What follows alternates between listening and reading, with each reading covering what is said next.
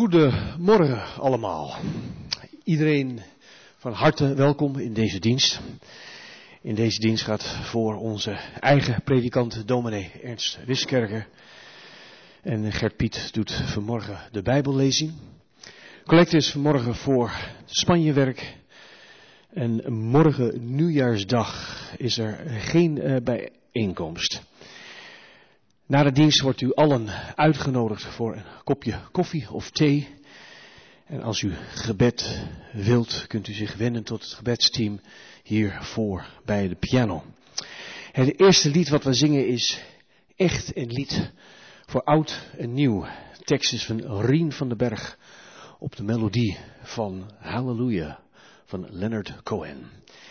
En namens de kerkraad wens ik u een gezegende dienst toe.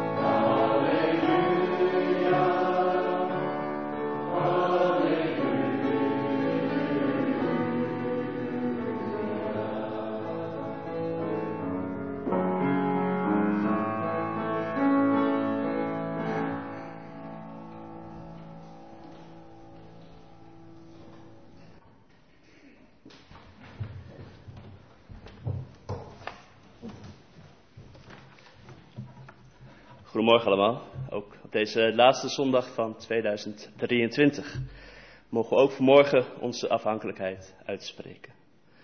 Onze hulp is de naam van de Heer, die hemel en aarde gemaakt heeft. Amen.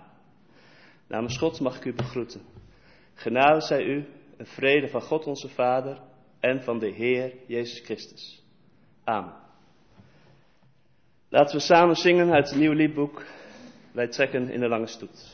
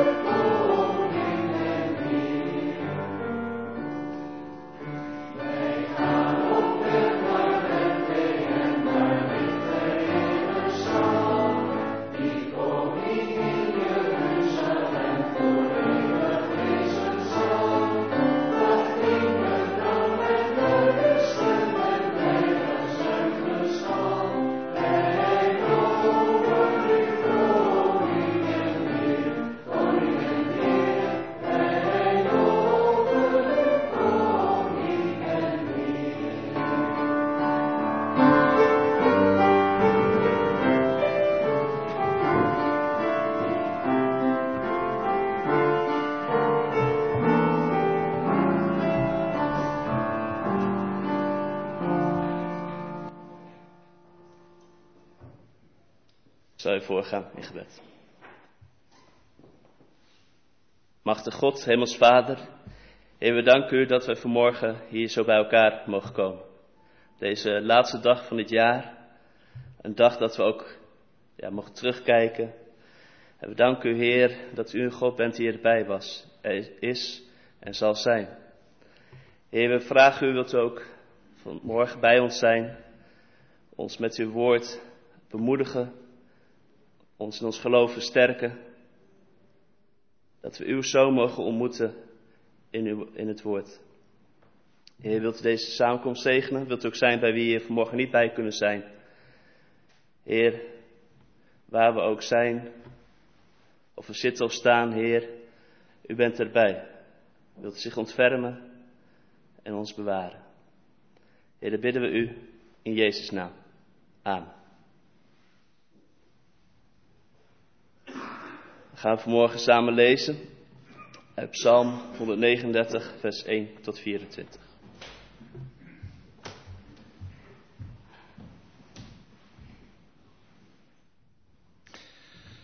Er staat boven deze psalm voor de koorleider van David een psalm.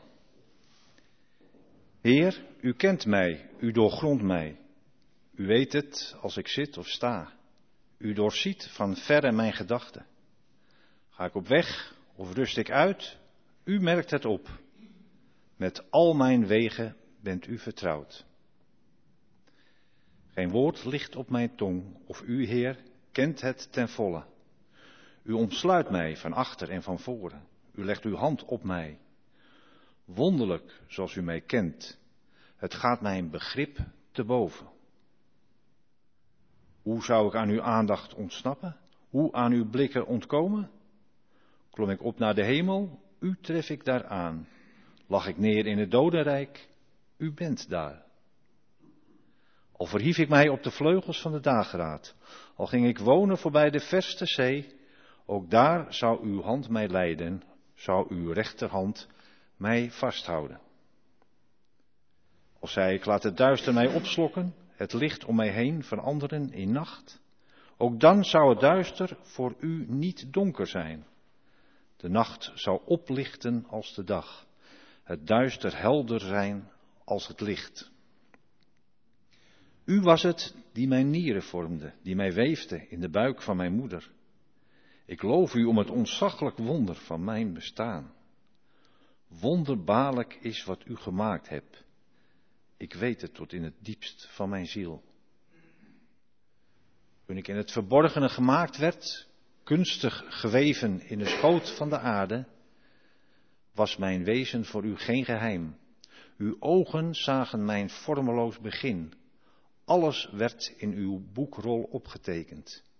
Aan de dagen van mijn bestaan ontbrak er niet één. Hoe rijk zijn uw gedachten, God, hoe eindeloos in aantal. Ontelbaar veel, meer dan er zand is bij de zee. Ontwaak ik, nog ben ik bij u. God brengt toch de goddelozen om, weg uit mijn ogen, jullie die bloed vergieten. Ze spreken kwaadaardig over u, uw vijanden misbruiken uw naam. Zou ik niet haten wie u haten, Heer? Niet verachten wie tegen u opstaan? Ik haat hen zo fel als ik haten kan. Ze zijn ook mijn vijand geworden. Doorgrond mij, God, en ken mijn hart. Peil mij. Weet wat mij kwelt. Zie of ik geen verkeerde weg ga en leid mij op de weg die eeuwig is.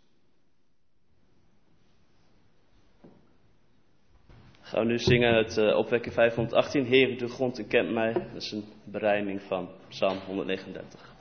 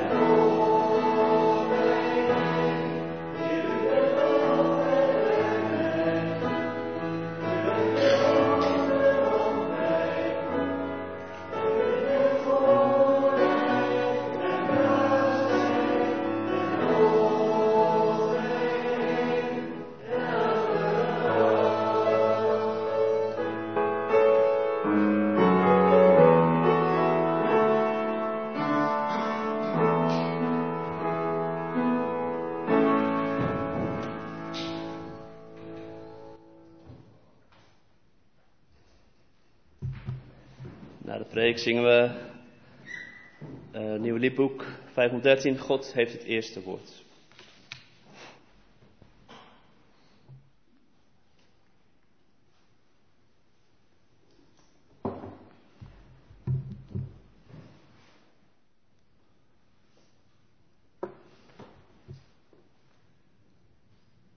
Vandaag is de laatste dag van 2023.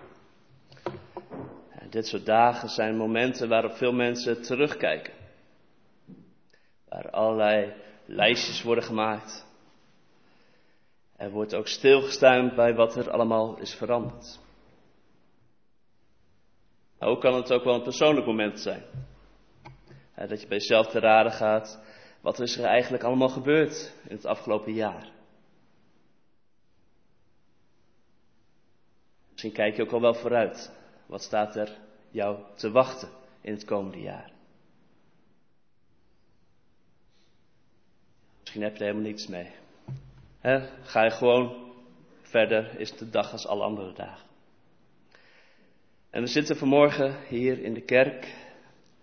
En is het misschien gepast om te vragen: uh, waar was God in jouw leven in het afgelopen jaar? Waar is in het komende jaar? Kan nog best wel een lastige vraag zijn. Waar is God als je hem niet kunt zien? Niet fysiek in elk geval. God is niet iemand die we erbij moeten sleuren. Het is mijn ervaring in ieder geval dat het eerder een soort bewustwording is van Gods aanwezigheid. Dat is tenminste de indruk die bijblijft als je Psalm 139 leest. David die staat hier stil bij hoe God altijd aanwezig is.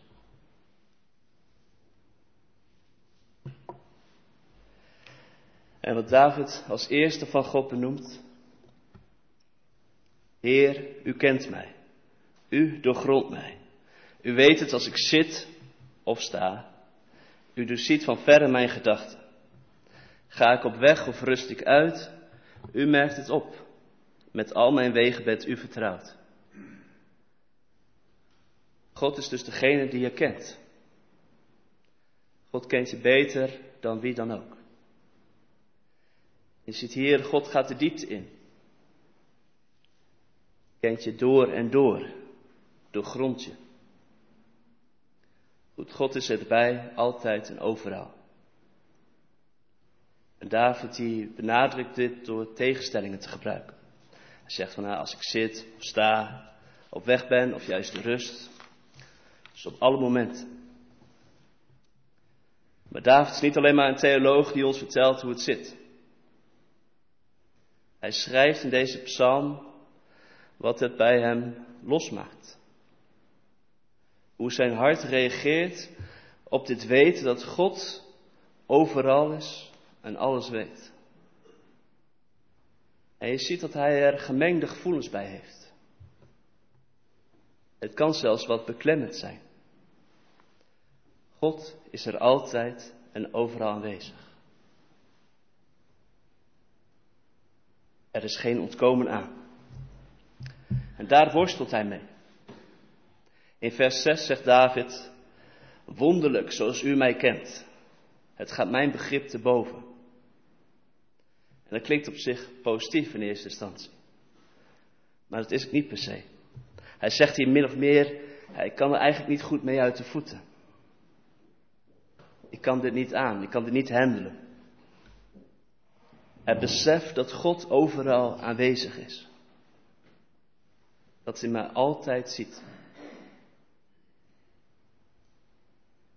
En het heeft ook te, te maken met de ervaring die hij beschrijft in vers 5. Zegt hij, u omsluit mij van achteren en van voren. En het idee dat God je omringt, alles van je weet, almachtig is, dat kan blijkbaar beklemmend en ook wel bedreigend voelen. En zijn eerste vraag in vers 7 is dan ook, hoe zou ik aan uw aandacht ontsnappen? Hoe aan uw blikken ontkomen?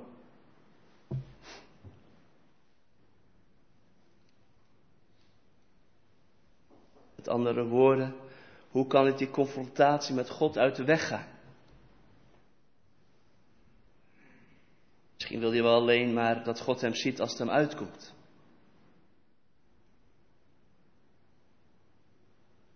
Er is een bekend persoon in de Bijbel die te probeerde om te ontkomen. En Jona probeerde te ontkomen aan God. Hij probeerde te ontsnappen door naar het westen te varen. Maar, zoals David ook concludeert, al verhief ik mij op de vleugels van de dageraad, en dat is het oosten, de zon komt op uit het oosten. Al ging ik wonen voorbij de verste zee, en dat was voor hem het westen, ook daar zou uw hand mij leiden. Zou uw rechterhand mij vasthouden. Er is geen ontkomen aan. God ziet je overal en laat je niet zonder meer je gang gaan. In deze psalm zie je dat het twee reacties losmaakt. Een omarmen of een weerstaan. Bij David zie je dat het uitloopt op een omarmen van Gods aanwezigheid. En waar hij in vers 1 en 2 nog eigenlijk vooral een constatering doet. Blijkbaar is God aanwezig. Dat doet hij aan het einde van de psalm een oproep. Doorgrond mij, God, en ken mijn hart. Peil mij. Weet wat mij kwelt. Zie of ik geen verkeerde kant op ga. En leid mij op de weg die eeuwig is. Nou, daar komt hij niet vanzelf bij uit. Er is wel iets waar hij doorheen moet. Ik denk dat het ook herkenbaar is voor ons als moderne mensen, dat misschien ook wel een naar idee is. Het lijkt niet zo erg te zijn als het besef dat je niet zelf je koers bepaalt. Als ik niet alles zelf mag beslissen in mijn leven, wat doet mijn leven dan toe?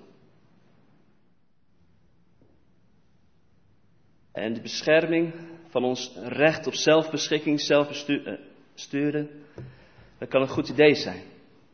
Juist ook om ons te eh, beschermen van misbruik door anderen, de machtsmisbruik.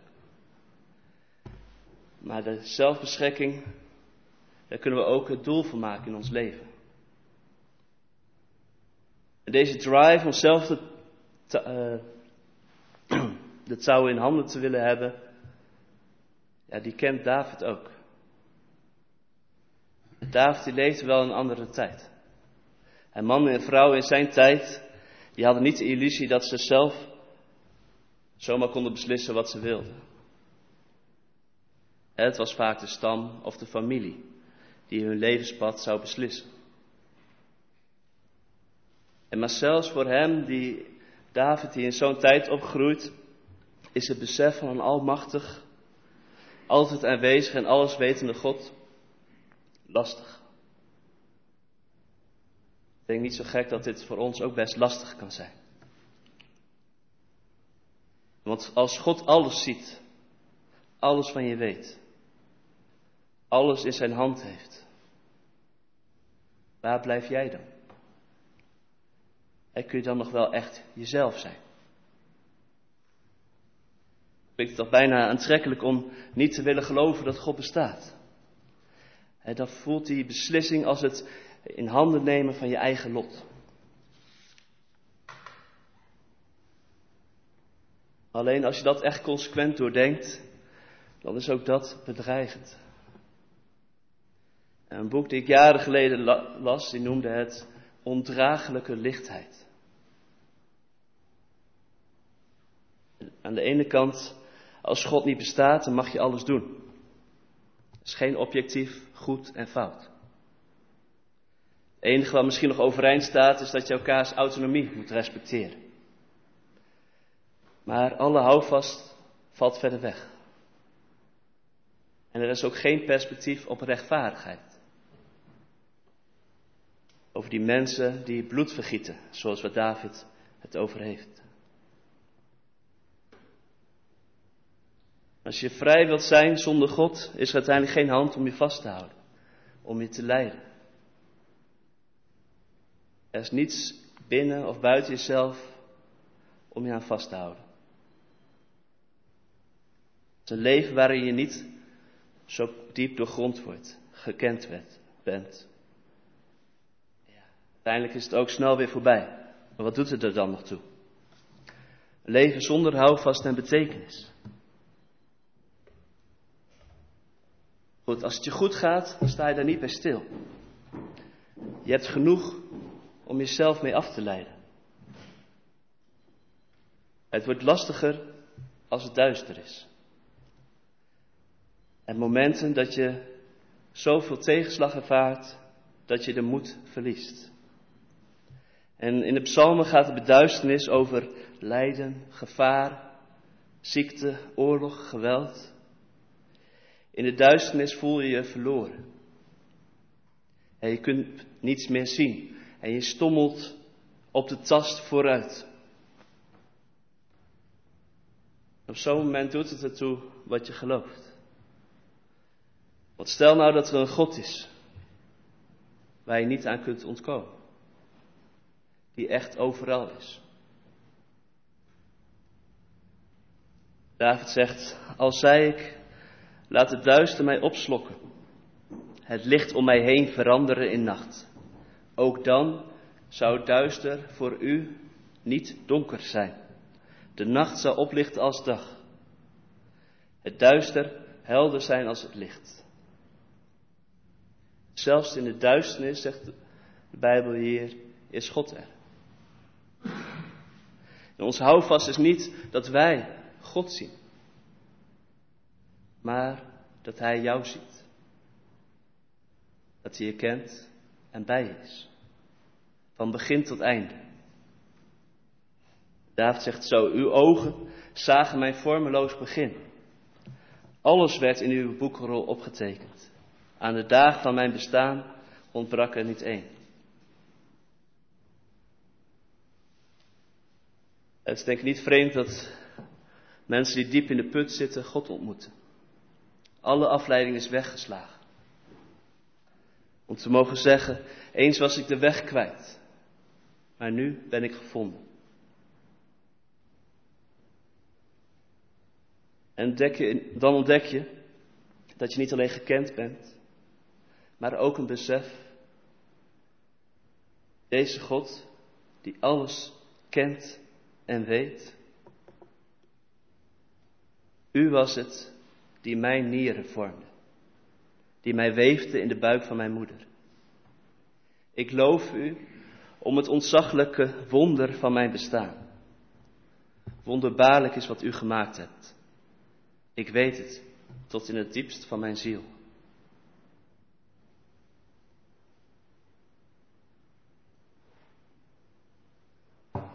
En misschien kunnen we moeilijk leven met het besef dat God ons ziet en leidt. Maar laten we met David beginnen om ons te verwonderen dat we er überhaupt zijn. En je bent hier omdat God je heeft gemaakt. God is overal en altijd aanwezig. Er is geen ontkomen aan, omarmen of weerstaan. En dit is het wonder van ons bestaan.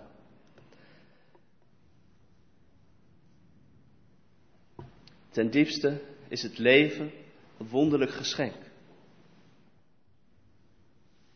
En dit doet denken aan een van de wat bekendere argumenten die erop wijzen dat God bestaat. En dat we leven in een heelal waarin alles precies goed is om leven te doen ontstaan. En als er ook maar iets anders was geweest qua natuurwetten, dan zouden we er niet zijn. En er is geen reden waarom dat niet zou kunnen. In ieder geval niet in de natuur kunnen. En dit zogenaamde fine-tuning argument, dat is ten diepste ook gebaseerd op een verwondering van de schepping. Verwondering dat we er zijn. En hoe we met zorg en aandacht gemaakt zijn. Een verwondering die David al had. Een God die almachtig is, die ons beter kent dan wij onszelf, die ons leidt. Die God heeft gewild dat je er bent. Om, het is goed om dan ook te beseffen, het is goed dat je er bent. En deze God, deze God die je gemaakt heeft, die je wil dat je bent, die God wil David graag leren kennen. En hij schrijft dan ook in vers 17 en 18, hoe rijk zijn uw gedachten, God, hoe eindeloos een aantal. Ontelbaar veel, meer dan er zand is bij de zee. En David zegt hier eigenlijk, hoe kostbaar is het om u te leren kennen, met al uw gedachten. En dan is Gods aanwezigheid niet zozeer beknellend, maar iets dat kostbaar is.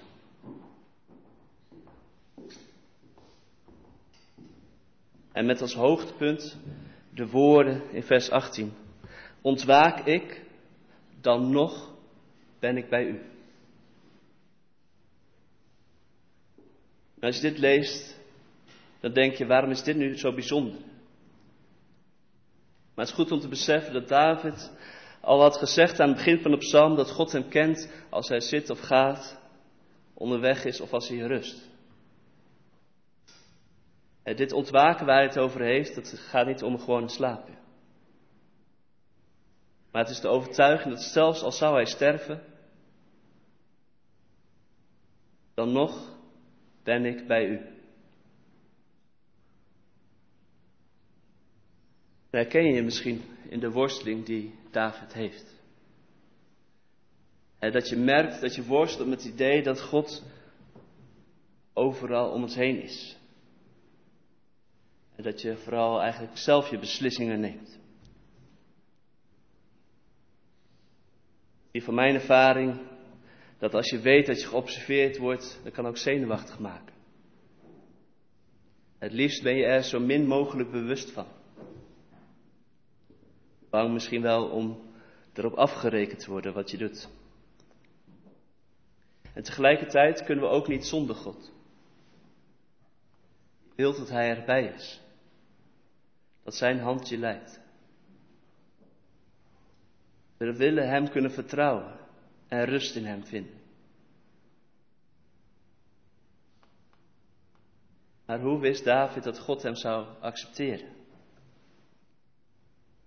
Hij wist dat, dat Mozes een keer had gevraagd om het gezicht van God te mogen zien. En God had nee gezegd. Dat doet hij niet, want dat zou Mozes niet overleven. En toch heeft David er vertrouwen in. En dan nog iets. Als je deze psalm leest, heeft op zich een heel mooi bemoedigend de toon. En dan is het op een gegeven moment een heel apart stuk. Vers 19 tot 22 is een abrupte wending.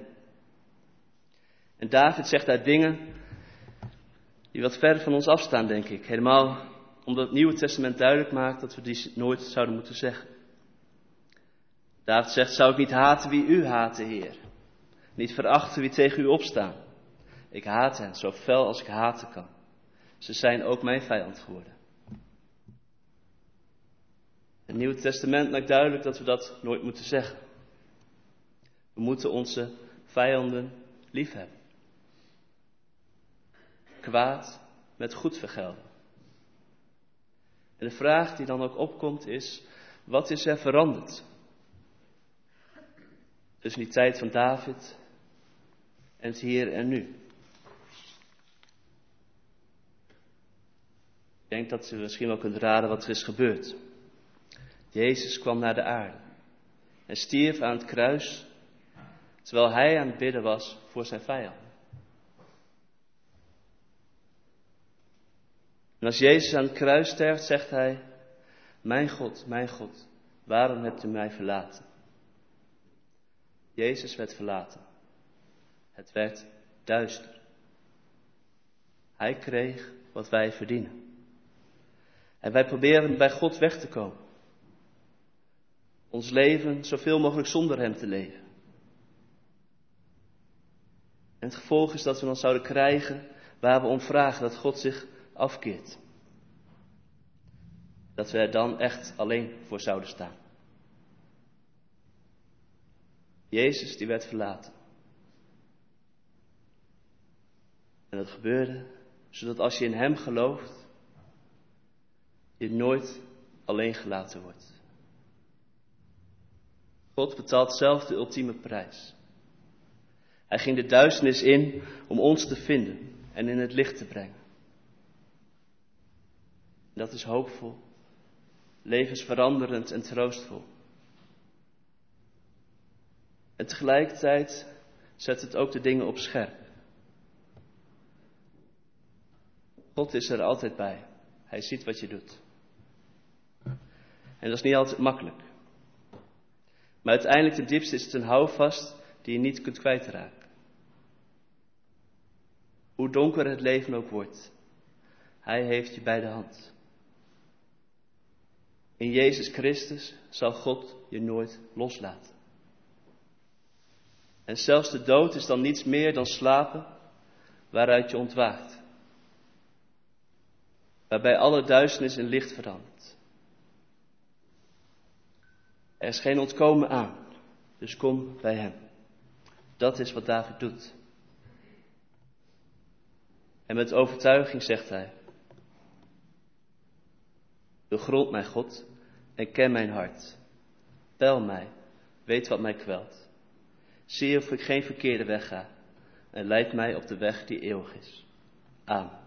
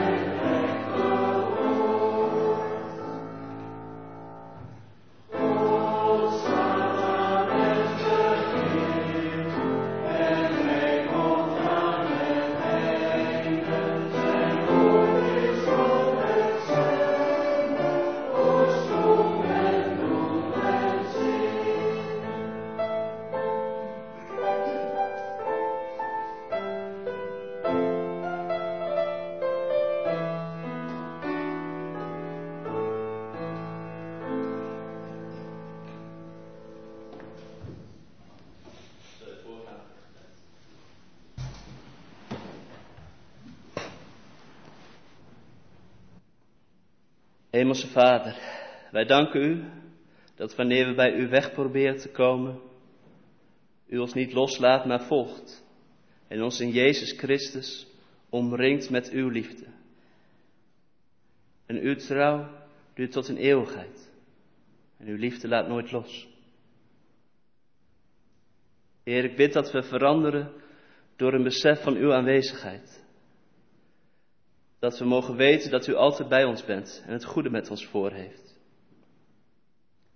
We bidden, Vader, dat u ons helpt om te groeien in genade. En dat we steeds meer mogen gaan lijken op uw Zoon, Jezus Christus. God in de hemel, we danken u voor uw aanwezigheid in ons leven.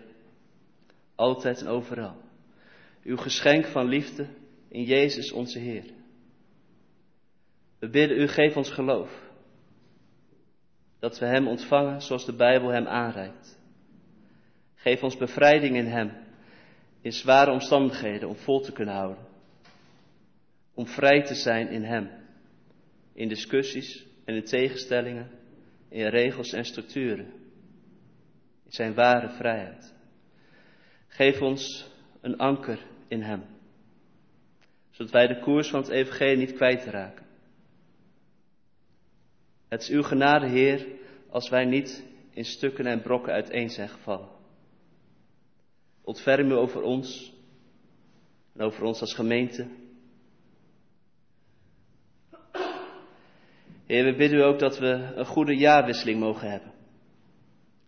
Gezellig mag zijn en dat we in dankbaarheid mogen terugblikken. En ook vooruit. Heer, wilt u ook zijn bij hulpverleners vanavond, vannacht in hun taak. Wilt hen beschermen en bewaren in hun werk. Heer, we bidden u met David. Doorgrond mij, God, en ken mijn hart. Bel mij. Weet wat mij kwelt. Zie of ik geen verkeerde weg ga. En leid mij op de weg die eeuwig is. Amen.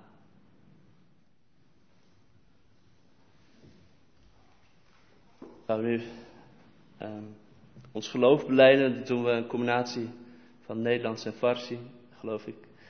En uh, het lied is Ik geloof in God de Vader. Dus ik wil u uitnodigen om in dit mogelijk te gaan staan.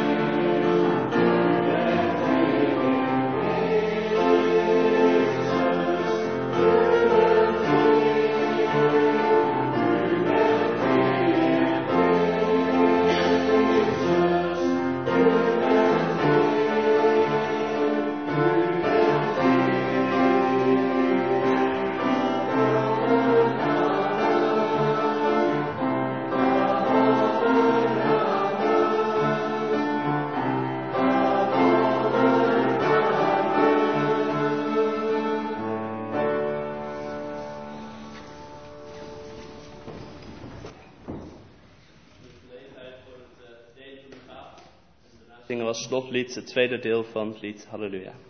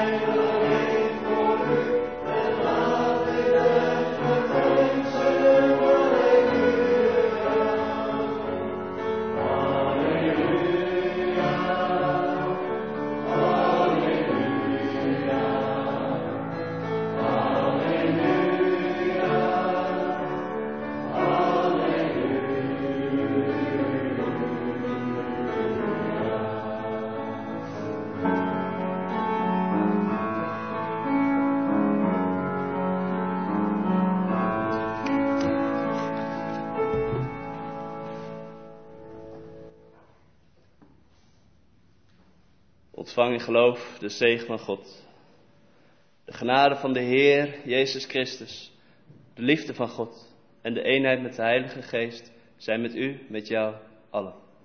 Amen.